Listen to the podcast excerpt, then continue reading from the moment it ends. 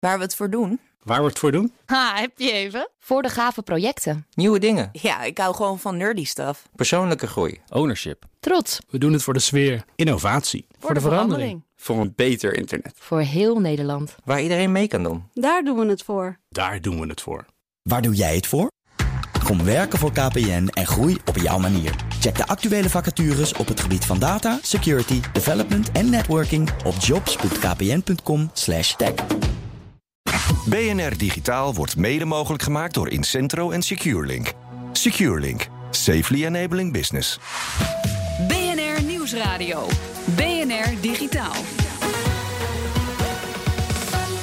Herbert Blankenstein. Stel, ik ben een drugsdealer en ik word vervolgd hier in Nederland. Maar de chatberichten die dat bewijzen, wat ik gedaan heb, staan in de Verenigde Staten. De Europese Commissie wil technologiebedrijven dan kunnen dwingen om die data van buiten de EU over te dragen aan opsporingsdiensten hier. Of dat een heilzaam plan is, bespreek ik zo met Menno Wij van Solf Advocaten, gespecialiseerd in ICT en privacy. Mijn backup is vandaag Ricky Gevers, digitale veiligheidsdeskundige bij Red Sox Security. Welkom. Goedenavond. Hoi. En we beginnen met de technologie nieuws. Ivan Verrips is hier. Hoi. Hoi, hallo.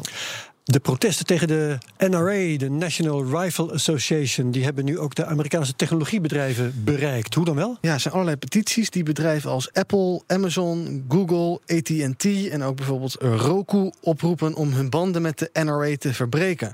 Aanleiding dat dat nu komt is natuurlijk die shooting op die school in Parkland in Ja. Florida, waarbij 17 mensen omkwamen. Maar je vraagt je dan af welke banden hebben die techbedrijven nou met de NRA? Nou, er is een tv-zender, NRA TV.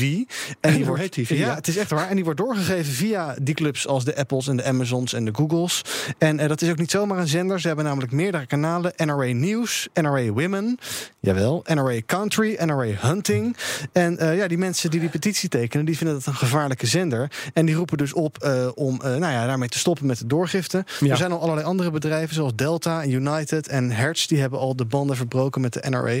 Ik ben wel benieuwd of die techbedrijven dat ook gaan doen. Ik kan me het op zich wel voorstellen. Aan de andere kant, of de mondsnoeren nou het goede idee is om dit tegen te gaan, weet ik ook niet. Ja, nou, dat laten we dan maar in het midden. Ja. Eh, liever gaan we het hebben over internetcriminaliteit. Altijd leuk, ja. Eh, niet alleen omaatjes en digibeten zijn daar het slachtoffer van, blijkbaar. Ook Steve Wozniak, een van de oprichters van Apple. Je zou denken, die mensen zijn tot de tanden toe bewapend. En Ja. eh, althans, digitaal gezien. En ook relatief slim. Precies, en bewust van de risico's. Nou, dat, nou, ook zij kunnen dus ten prooi vallen aan kwaadwillenden. Wat is er gebeurd? Eh, meneer Wozniak is in een cryptocurrency scam getrapt. Vertelt hij aan een Indiase krant.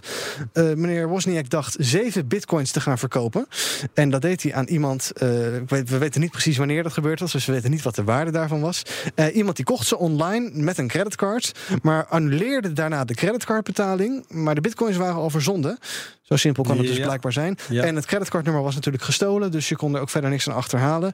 Eh Wozniak heeft die bitcoins ooit gekocht als een experimentje. Hè. Hoe werkt het nou? Wat kan je ermee? 700 dollar heeft hij er toen voor betaald.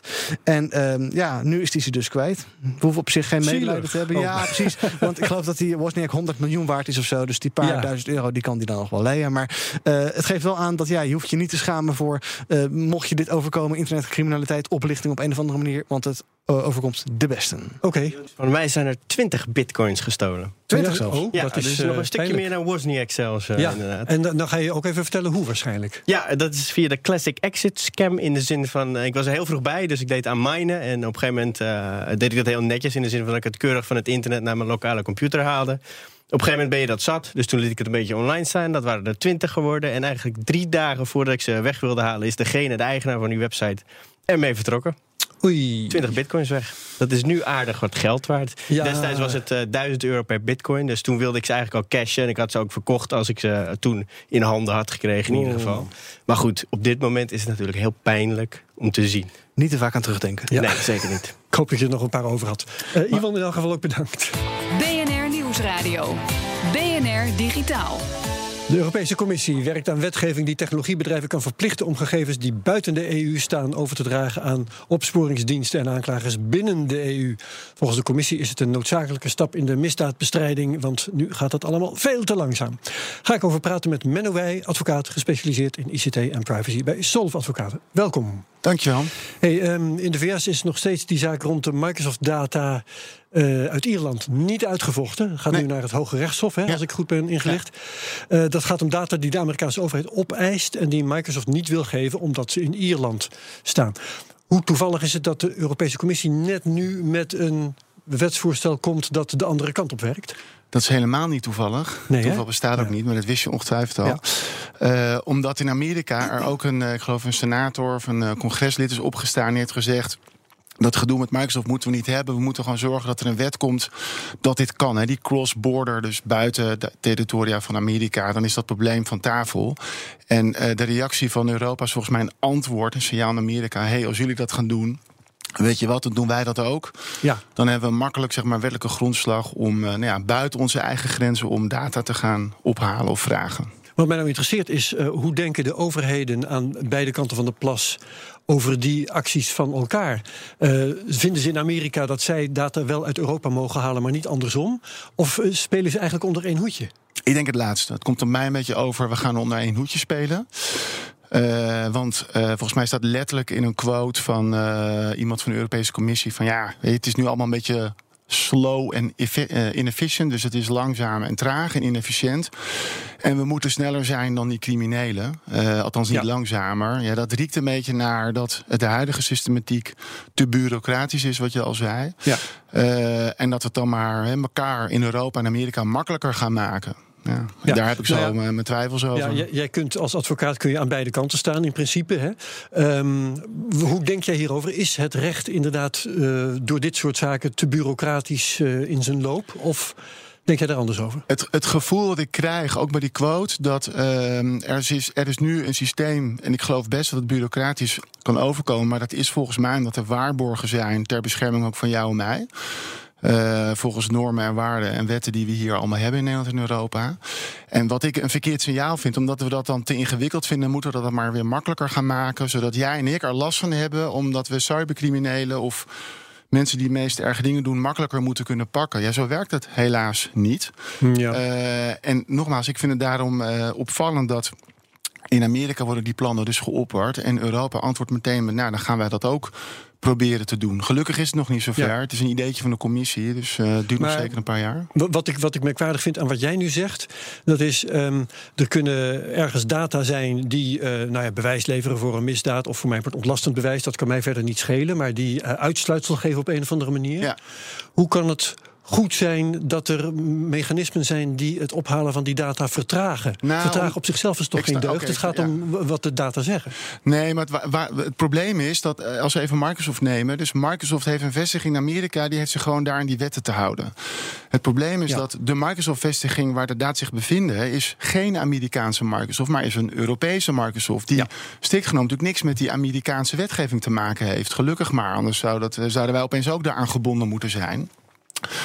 Dus het probleem wat speelt is dat we weten waar informatie zit, maar die zit niet bij een partij die we direct kunnen aanspreken. Dus we gaan het nu via een ander, die we wel kunnen aanspreken, gaan we het doen. Dat was destijds met de Patriot Act al het geval. Hè. Dus dit is op zich ja. een herhaling van zeg maar, zetten die eerder ook zijn geweest. En uh, het probleem zit hem er dus in dat je dus eigenlijk geen zeggenschap hebt over een bepaalde entiteit. Ja, maar dat is toch wel een beetje kunstmatig. Want uh, Microsoft is gewoon één bedrijf. Dus dan kun je wel zeggen: Microsoft Europa is een ander bedrijf dan Microsoft Verenigde Staten. Maar, maar dat is een artefact. Ja, en dan komt dus het tweede argument van mij. Namelijk dat Microsoft, zeg maar, de Europese Microsoft, heeft zich te houden aan de regelgeving hier. En onder andere hebben we uh, privacywetgeving die zegt: let op, je kunt die data niet zomaar geven cross-border ja. buiten uh, onze grenzen. Als daar niet een grondslag voor is of een afspraak tussen twee landen.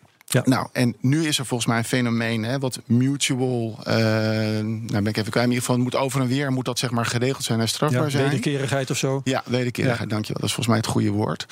Uh, maar dat vinden we kennelijk met z'n allen weer wat te bureaucratisch, althans uh, de Europese Commissie. Ja, ik vind dat dus wat makkelijk zoeken naar een opening die best wel veel impact heeft op ja. onze Ja, want op de achtergrond staat natuurlijk ook dat uh, uh, wij uh, onze data ge geven zonder al te veel nadenken, meestal aan Facebook, aan Microsoft, aan Google, noem maar op. Ja. En daar kan de Amerikaanse overheid dan ook veel makkelijker bij. Dat is ja. denk ik een gevaar, hè, wat jij ziet. Ja, plus ja, bijvangst. Hè. Dus wat zit er dan allemaal nog meer bij? Dus ja, ik vind. Uh, we leven uh, hier in een systeem met wetten en uh, daar zitten waarborgen, zit een balans achter. En het moet niet te makkelijk worden voor overheden. Terwijl ik er gevoelsmatig best begrip voor heb. Hè. Van ja, als je over informatie van een terrorist beschikt, dan willen we allemaal dat hij gepakt wordt. Ja. Maar ja, het wordt allemaal een beetje grijs en, en, en twijfelachtig. Als je die grenzen niet strak blijft trekken. Dat is duidelijk. Dat is mijn punt. Ricky, jij, jij zit in de security-wereld. Mijn Ja. backup vandaag. uh, hoe, hoe heb jij te maken met dit soort zaken? Um, nou, ik denk dat het sowieso is dat de efficiëntie in de bestrijding van cybercrime heel laag is. Dus uh, daar is, is, ruimte voor verbetering in in ieder geval. Uh, wat ik me afvraag is, wat gaat er nou concreet veranderen hierdoor eigenlijk? Wat gaat, wat zou, of tenminste, wat willen ze dat hierdoor sneller gaat? Wat er dus verandert is dat op het moment dat ik als Europa of ik als Amerika weet, er zitten gegevens die belangrijk zijn in het kader van uh, nou ja, uh, criminaliteitsonderzoek of cybercrime. Bij een bedrijf waar ik geen rechtstreekse zeggenschap over heb, dat ik toch met mijn wetgeving en afspraken die we als landen of als Europa en Amerika maken, daar sneller bij die gegevens kan. Is het dan nu zo dat je daar niet bij kan of duurt nou, het te Amerika lang? heeft geen zeggenschap, hè, om even die Microsoft-zaak erbij te halen. Amerika heeft geen zeggenschap over de Microsoft. Uh, Europa-entiteit die kennelijk over die data beschikt. En dus zegt Microsoft Amerika terecht: wij gaan dat dus niet geven, want wij in Amerika hebben het niet. Dat is een andere entiteit, wat een volledig zelfstandig uh, gebeuren is. Uh, en die moet zich bovendien aan de Europese wet houden. Dus die komt eigenlijk in een soort conflict situatie. Als dus nu Microsoft Ierland, want daar gaat het volgens mij om, dit moet ja. afgeven, dan kan Europa dus zeggen: ha, dat mag je niet doen vanwege privacy en misschien nog wel meer regels. Vanwege een dat Europese is, regel. Ja, het is een botsing okay. van jurisdicties en wetten. Ja. Zeg maar, maar als Europa zichzelf, zichzelf de bevoegdheid heeft gegeven om dat aan de andere kant op ook te doen, dan zullen ze niet meer zeggen: Microsoft Ierland mag die data niet geven, want dan heb je die wederkerigheid en uh, zullen ze ja, dus, daar uh, eerder nou, toestemmen. zijn, dan spelen ze wat meer on één hoedje. Ja. En wat mij wel uh, verrast is dat ik ook heb begrepen dat de techgiganten dus dat wetsvoorstel in Amerika, dus die Cloud Act, juist steunen. Dus kennelijk vinden zij het prima dat het makkelijker gaat worden uh, om die data, zeg maar, buiten de landsgrenzen van Amerika te kunnen opvragen. Dat valt mij op. Bedankt. Menno Wij van Solv Advocaten. En je blijft er nog even bij. Zometeen hebben we het over connected cars. Zit ook een interessante juridische component aan. Straks een camera die voor mij bepaalt wat leuke momenten zijn. En die dus kennelijk gefotografeerd moeten worden. Het bestaat en het is natuurlijk weer van Google. Zometeen een eerste recensie. BNR Nieuwsradio. BNR Digitaal. Google Clip, dat is een slimme camera met kunstmatige intelligentie om belangrijke momenten automatisch te detecteren en voor jou vast te leggen. Hij is nu te koop voor 250 dollar en techsite The Verge heeft hem als een van de eerste getest. Redacteur Wesley Schouwenaars bekeek de review. Now, if you're a parent or a pet owner, you're probably familiar with the frustration of trying to capture great candids of your kids or pets' activities. Or maybe you're familiar with having a ton of photos and video of your family members, but you're not in any of them because you're always the behind the camera. Ja, dat ken ik wel. Dan is zo'n cameraatje die het werk voor je doet best wel handig. De Google Clips is compact, een beetje zoals een GoPro, maar dan kleiner. En er zit weinig poespas op. It has a fixed focus lens with a 130 degree wide angle field of view, a single button, and a few LEDs, but no display or user interface of its own. It connects to an iPhone, Google Pixel, or Samsung Galaxy S7 or S8 through Bluetooth and Wi Fi Direct to download the images it captures and control it. Volgens Google zit de kracht aan de binnenkant. Met slimme algoritmes herkent de camera mensen en fotogenieke momenten. De Clips drukt zelf een aantal foto's af en klaar is Kees. You can adjust the frequency of captures in the Clips app, and you can also train it with people that matter to you by linking it with your Google Photos account. The Clips camera is supposed to learn the faces of important people by who it's exposed to most often. But by using the photos data, it's supposed to speed things along. De Google Clips wordt dus slimmer van de foto's die hij maakt. Of die hem laat maken. Die data wordt lokaal opgeslagen, zegt Google. En die informatie gebruikt de Clips vervolgens om nog beter te bepalen wanneer hij een foto moet maken. De Verge ontdekte alleen dat het lastig is om daarop te vertrouwen. For example, I found it wasn't taking shots all that often, so I tweaked the settings in the app to increase its frequency. But it still seems to be very conservative with what it will actually capture. Om creatieve foto's te maken moet je de clips regelmatig op een andere plek zetten, geeft ook Google toe. Daarnaast blijkt de camera van de clips ook niet echt goed te zijn. At the end of the day, there just really weren't any clips that I felt were better or more authentic than I could capture with my phone. And in most cases, the image quality was bad enough that I had just wished I used my phone to begin with. De Verge geeft toe dat na wat meer oefenen het resultaat wel wat beter kan zijn. Alleen zou de clips je die moeite juist moeten besparen. And that makes it tough to justify buying and using the Clips camera. Beyond its cost, there's also having to bring it along, make sure it's charged, and then go through transferring its images to my phone. Als je toch al die moeite moet nemen, waarom trek je dan niet gewoon een paar kiekjes met de smartphone die toch al in je broekzak zit? Google's definitely onto something here, and I hope it's eventually able to make it easier to capture pictures of my kids in the future. But right now, the Clips just isn't doing it. Misschien moeten we nog eens uitleggen in dit programma hoe handig een fototoestel is. Waarin je niet eens een app hoeft te zoeken en te starten voordat je een kiekje kunt maken. Oh, wat was het vroeger handig. De hele review van The Verge vind je na de uitzending op bnr.nl/slash digitaal. BNR Nieuwsradio. Herbert Blankenstein. Connected cars zijn niet meer te stoppen. In de Verenigde Staten zullen praktisch alle nieuwe auto's dit jaar zijn uitgerust met een modem. En ook hier in Nederland zijn bijna alle nieuwe auto's in meer of mindere mate connected. Maar wat gebeurt er met alle data die de auto opslaat en verzendt? Daar ga ik over praten met Carlo van der Weijer, hoofd van de afdeling Smart Mobility aan de TU Eindhoven. Hij werkt ook bij TomTom aan intelligente transportsystemen. Ook nog steeds hier is trouwens Menno Wij van Solf. Carlo van der Weijer, waarom zijn nieuwe auto's tegenwoordig eigenlijk connected? Ja, dat, uh, het is inderdaad de norm dat uh, bijna alle auto's verbonden zijn met de buitenwereld. Vaak nog meerdere modems uh, per auto.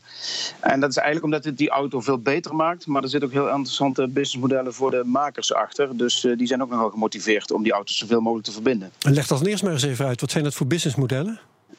Ja, het is, nou, de, de beste modellen dat het gewoon altijd goed is voor een auto dat ze weten waar de rijder rijdt, hoe die rijdt. Uh, en, en daardoor ook veel betere diensten aan kunnen bieden. Want daar wordt tegenwoordig meer mee verdiend dan met de auto zelf. Ja. En, en, en dat is eigenlijk de norm. Daar zitten heel veel lokkertjes bij. Het is ook gewoon fijner als gebruiker om dat te hebben. Uh, ja, actuele verkeersinformatie is gebaat bij een goede verbinding. Uh, je hebt internetradio tegenwoordig. Ik heb vanochtend op afstand mijn verwarming aangezet. Dat is heel erg fijn in dit soort tijden. dat kan alleen maar als je een verbinding hebt met die auto. Dus dan stap je in een mooi volverwarmd de auto. En dat is allemaal dankzij die connectivity. ja, ik begrijp het. Um, het draait dus allemaal om data. Um, noem eens wat voorbeelden van data die zo'n connected car opslaat. Ja, het is, het, ik, ik heb gehoord dat het ongeveer 10 terabyte aan data, dat zegt me ook weinig. Het zijn ongeveer 20.000 dvd's per uur wat er gemaakt wordt op dit moment Wat? door een auto. Dat, ja, dat is ongeveer ja, 10 terabyte per uur. Het meeste daarvan is, is waardeloos. Dat zijn allemaal emissiedata en zo om die auto zo schoon mogelijk te maken. Ja. Uh, maar daar wordt een steeds groter deel daarvan is heel erg interessant. En uh, ja, wat er nu opgeslagen wordt, is waar die auto rijdt, hoe die gereden heeft. Een van de belangrijkste business cases zit ook achter het onderhoud. Je kunt uh, op afstand al, en dat is ook wel iets wat heel erg gemakkelijk is, dat je op afstand al uh, kunt zien als je een storing hebt, dan, ja, dan kan de monteur zien wat er aan de, aan de hand is. En vaak kan hij het ook maken. Dat is steeds vaker Ja. zo, zeker bij En, elektrische gaan, gaan al die data ook door de lucht eh, de auto uit? Of blijft gaan allemaal. En waar gaat dat dan bijvoorbeeld heen? Ja, die 10 terabyte die gaat niet helemaal door de lucht. Dat zou, uh, dat, dat, zou te gek zijn. Dat gaat helemaal niet. Maar ja, je Ja. ziet zeker ook een, een beetje moderne auto heeft, uh, heeft dadelijk negen camera's. Die zijn constant alles aan het filmen er rondom. Ja. En dat zie je vaak bij data. Dat het eigenlijk gebeurt is om die auto beter te laten rijden. Want je moet een goed wereldbeeld hebben om een auto uh, het rijden makkelijker te maken. Om, om te laten helpen. Maar ja, dat, dat is natuurlijk ook heel interessante data. Dat is een reden waarom je Google vaak ziet in deze industrie, denk ik. Want ze kunnen bijna een, ja, die auto's hun, hun street view laten maken bijna live. En dat is allemaal ding, ja, dat, dat, dat zijn data die vooral in de auto blijven en dan op bepaalde tijden of gepreprocessed worden, hè, dat het in, in, als metadata naar buiten gaat. En dat is eigenlijk het nieuwe spel wat je ziet in, in automotive, dat, uh, dat er op die manier uh, uh, ja, die auto's van waarde zijn Ja. voor dat soort bedrijven als Google. We hebben voorafgaand aan deze uitzending hier eh, zitten kijken naar de privacyverklaring van Tesla. En eh, daar staat verschrikkelijk veel in. Maar wij vroegen ons af, eh, wanneer krijg je die eigenlijk te zien als koper van een auto van Tesla? Ik, ik rijd toevallig Tesla en, en inderdaad kan ik me niet helemaal herinneren dat ik ooit ergens op een oké-schermpje heb. Het zou wel zijn of zo bij de verkoop, maar dat is in ieder geval zeker niet bewust gebeurd. Nee. En dat zie, dat zie je vaak bij dit soort zaken, dat het, ja, het zit of verborgen achter zo'n oké-scherm. Of, of het gaat een keer op een vaag moment dat je ergens een handtekening neerzet en niemand leest die, eh, die dat, dat soort dingen. Maar Tesla weet inderdaad alles van mij. Ik heb een keer met de verkeerde stekker staan te laden en dat wisten ze precies eh, te zeggen wanneer dat het waar was. En ik, dacht, ik dacht zelf dat het een goede verlengsnoer was. Dat was niet zo. Dus zij konden mij betrappen op een leugen op dat moment, terwijl ik het zelf niet eens wist. En dat, ik- dat, dan kom je een klein beetje op het randje. Ja, ik las zelfs in die privacyverklaring dat ze kunnen vastleggen wanneer je hebt getoeterd. Maar ik ga nu even naar Menno Ja. Hier naast mij. Wat, hoe reageer jij hierop? Mag ik nog een vraag stellen trouwens? Dat mag ook, Niet. mag ook. Eh, want wij namelijk ook in het privacy statement dat als je, eh, je kunt dan kennelijk zeggen, nou bepaalde data wil ik dan meer, niet meer Tesla, dat je dat verwerkt. Maar dan kunnen functionaliteiten die ook de veiligheid van de auto raken wegvallen. Ik vroeg me even af of je daar ook nog een eh, mening over had als deskundige.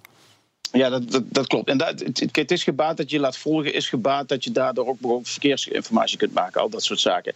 Als jij eh, niet gevolgd wil worden, kan Tesla jouw auto op zaterdagavond, als je ergens in Frankrijk met pannen staat, ook niet maken.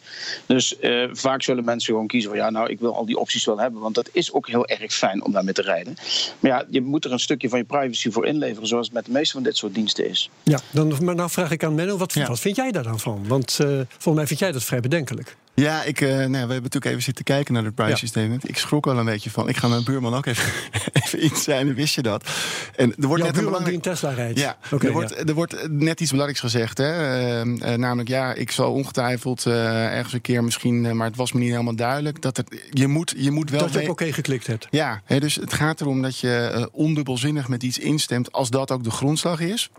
Een aantal dingen die Tesla doet in het kader van veiligheid zo, dat is denk ik prima vanuit een niet-toestemmingsgrondslag. Maar dat wat ze doen, wat alleen maar met toestemming kan. eh, dat moet dan aan jou gevraagd worden. Dat moet je wel heel duidelijk geven. Dat is het eerste punt. Nou, dat wordt net bevestigd. Ik wist het überhaupt niet. Het tweede punt is. eh, moet je per se toestemming geven om eh, ten volste van die auto gebruik te kunnen maken? Of kan je ook zeggen: nee, die gegevens wil ik dat je dat niet doet. Maar heb je dan nog wel steeds een hele veilige auto? En dat was de reden van mijn vraag net. Ik heb ook de indruk dat hier dan wordt geaccepteerd, nou ja, dan is het maar minder. Maar dat is niet hoe het vanuit de privacy werkt. Je moet ook nee kunnen zeggen en nog steeds gewoon met die Tesla alles kunnen doen. In ieder geval vanuit veiligheid, vind ja, ik. Ja, ja, ik kijk ook even naar Ricky Gevers. Want eh, hoe zit dit vanuit veiligheidsoogpunt bijvoorbeeld? Veiligheid, digitale veiligheid dan? Hè? Ja, zouden dit soort gegevens eigenlijk onder persoonsgegevens vallen? Dat vraag ik me af. Als het herleidbaar is tot mij als eh Menno Wij die die Tesla bestuurt... en dat kan Tesla denk ik heel goed. Hè, die kunnen natuurlijk precies zien eh, van wie die auto is. Dan zijn er persoonsgegevens. Ja, ja, Ja. en zelfs met je mobiele telefoon. Dat is gewoon herleidbaar naar jou. Dat is een flinke bulk data dan die zin. Ja. ja, 20 dvd's hoor ik net Ja. per uur. Hoe zit dat, eh, Carlo van der Weijen? Want eh, wat voor bandbreedte heeft zo'n auto dan eigenlijk? Ik, eh, ik kan me daar helemaal geen voorstelling van maken. Dat gaat over megabytes per maand. Dat is die orde. Dus eh 10, 20, 30, 40 megabytes per, eh, per, per, eh, maand. eh, hebben ze meestal als contract uh, uitgesloten. Ja, dat zijn meestal de contracten die worden afgesloten. Dat, zijn juist, dat, zijn, dat is een, een druppelend kraantje vergeleken met die massa data waar je het net Ja. over had. Dat klopt. En we zijn nu met auto, ja, je, je kijkt nu naar automotive wifi. Natuurlijk gaat dat dadelijk met 4G en 5G. De meeste zijn ook 3G-verbindingen die in die auto's zitten. En dat heeft ermee te maken overigens dat een auto altijd twee jaar voordat die eh, uitkomt gespecificeerd wordt. En dan wordt dat altijd vastgelegd. Dus dat is een beetje vertraagd. Zelfs die Tesla's hebben nog maar een 3G-link.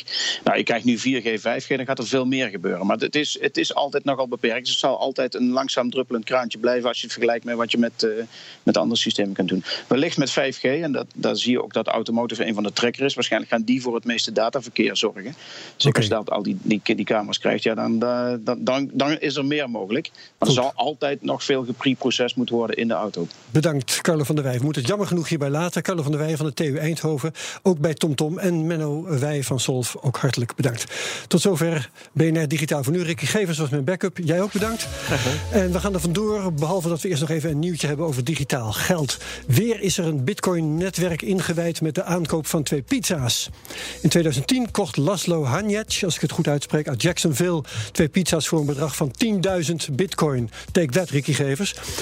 Dat zou nu 100 miljoen dollar zijn.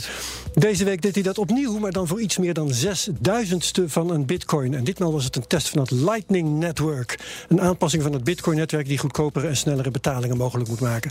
Met zijn eerste betaling kwam Hanjec in de geschiedenisboekjes. 22 mei, de dag van zijn aankoop, is nog altijd Bitcoin Pizza Day. En of de pizza's van deze week net zo historisch worden, moet nog blijken. En of over het bedrag dan in de toekomst net zo hard gelachen zal worden, dat ook. Wat ons betreft verder graag tot volgende week. En dan zenden we uit vanaf de Security Bootcamp in Rotterdam. Tot dan. BNR Digitaal wordt mede mogelijk gemaakt door SecureLink en Incentro. een IT-bedrijf. Ook Thomas van Zeil vind je in de BNR-app. Je kunt live naar mij luisteren in Zaken doen. De BNR-app met breaking news, het laatste zakelijke nieuws... en je vindt er alle BNR-podcasts, bijvoorbeeld Het Nieuwe Geld. Download nu de gratis BNR-app en blijf scherp.